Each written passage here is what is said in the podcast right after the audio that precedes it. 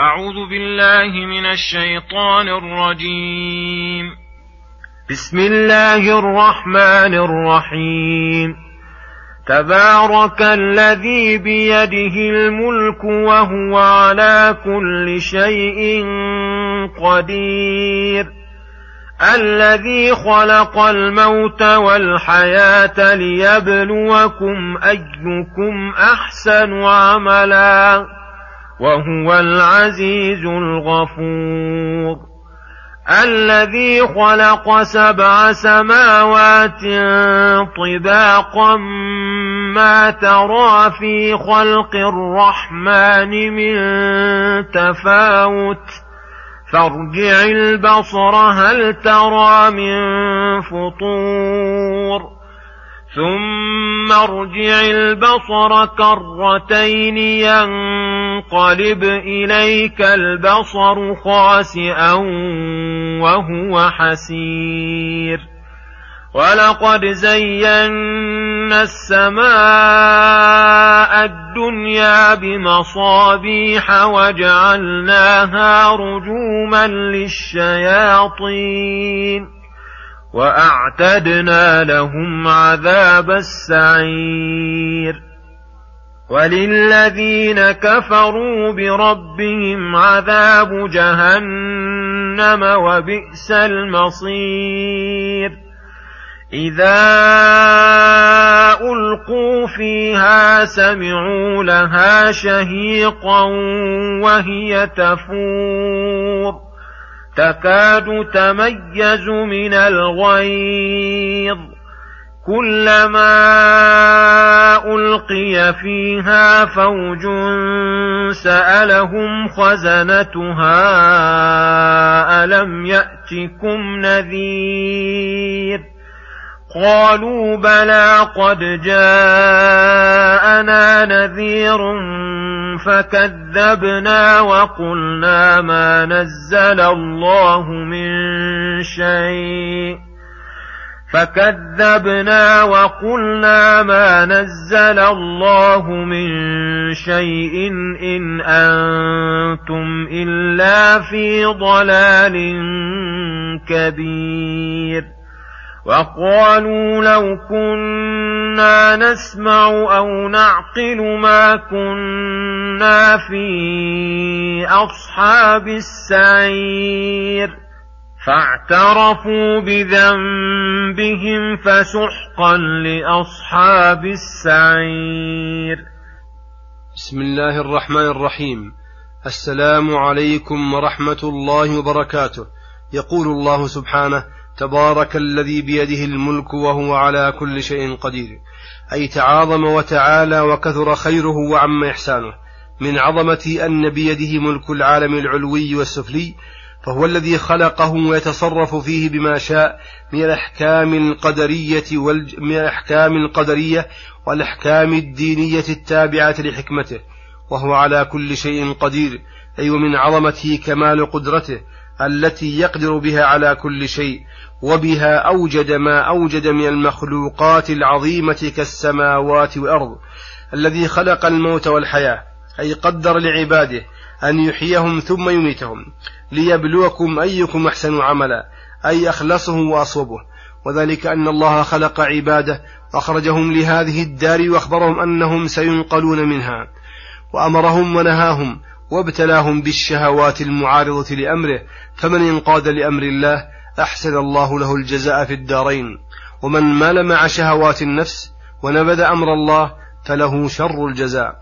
وهو العزيز الذي له العزة كلها الذي قهر بها جميع الأشياء وانقادت له المخلوقات الغفور عن المسيئين والمقصرين والمذنبين.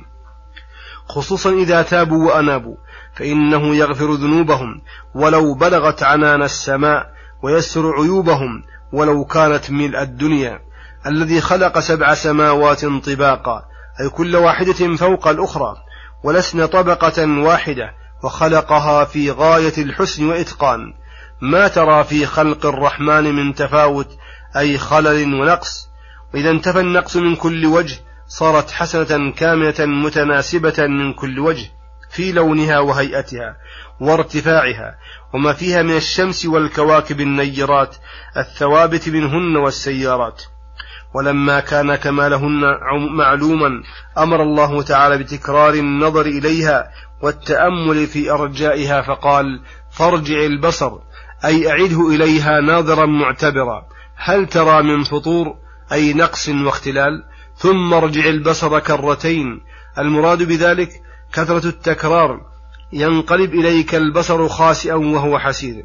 أي عاجز عن أن يرى خللا أو فطورا ولو حرص غاية الحرص. ثم صرح بذكر حسنها فقال ولقد زينا السماء إلى قوله لأصحاب السعير. أي ولقد زينا أي ولقد جملنا السماء الدنيا التي ترونها وتريكم بمصابيح وهي النجوم على اختلافها في النور والضياء. فإنه لولا ما فيها من النجوم لكانت سقفا مظلما لا حسن فيه ولا جمال. ولكن جعل الله هذه النجوم زينة للسماء وجمالا ونورا وهداية يهتدى بها في ظلمات البر والبحر.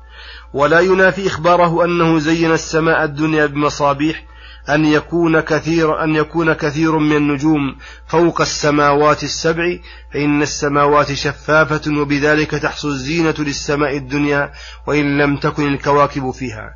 وجعلناها أي المصابيح رجوما للشياطين الذين يريدون استراق خبر السماء. فجعل الله هذه النجوم حراسة للسماء عن تلقف الشياطين أخبارها إلى الأرض. هذه الشهب التي ترمى من النجوم أعدها الله في الدنيا للشياطين وأعتدنا لهم عذاب السعير لأنهم تمردوا على الله وأضلوا عباده ولهذا كان أتباعهم من الكفار مثلهم قد أعد الله لهم عذاب السعير فلهذا قال وللذين كفروا بربهم عذاب جهنم وبئس المصير التي يهان أهلها غاية الهوان إذا ألقوا فيها على وجه الإهانة والذل سمعوا لها شهيقا أي صوتا عاليا فظيعا وهي تفور. تكاد تميز من الغيظ أي تكاد على اجتماعها أن يفارق بعضها بعضا وتتقطع من شدة غيظها على الكفار فما ظنك ما تفعل بهم إذا حصلوا فيها. ثم ذكر توبيخ الخزنة لأهلها فقال كلما ألقي فيها فوج سألهم خزنتها ألم يأتكم نذير؟ أي حالكم هذه واستحقاقكم النار كأنكم لم تخبروا عنها. ولم تحذروا ولم تحذركم النذر منها. قالوا بلى قد جاءنا نذير فكذبنا وقلنا ما نزل الله من شيء إن أنتم إلا في ضلال كبير. فجمعوا بين تكذيبهم تكذيبهم الحاضر والتكذيب العام بكل ما أنزل الله ولم يكفهم ذلك حتى أعلنوا بضلال الرسل المنذرين وهم الهداة المهتدون.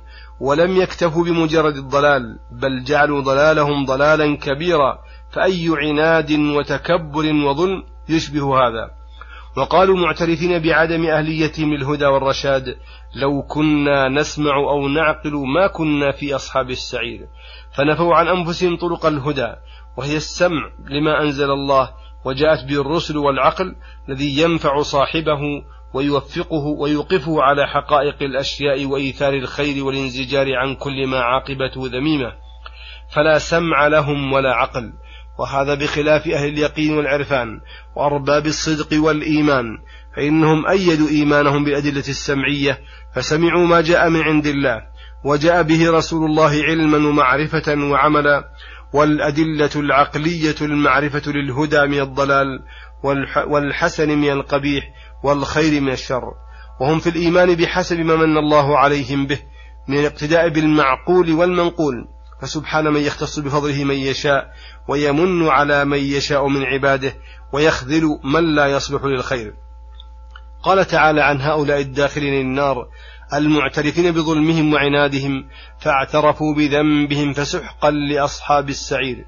أي بعدا لهم وخسارة وشقاء فما أشقاهم وأرداهم حيث فاتهم ثواب الله وكانوا ملازمين للسعير التي تستعر في أبدانهم وتطلع على أفئدتهم وصلى الله وسلم على نبينا محمد وعلى آله وصحبه أجمعين. وإلى الحلقة القادمة غدا إن شاء الله. السلام عليكم ورحمة الله وبركاته.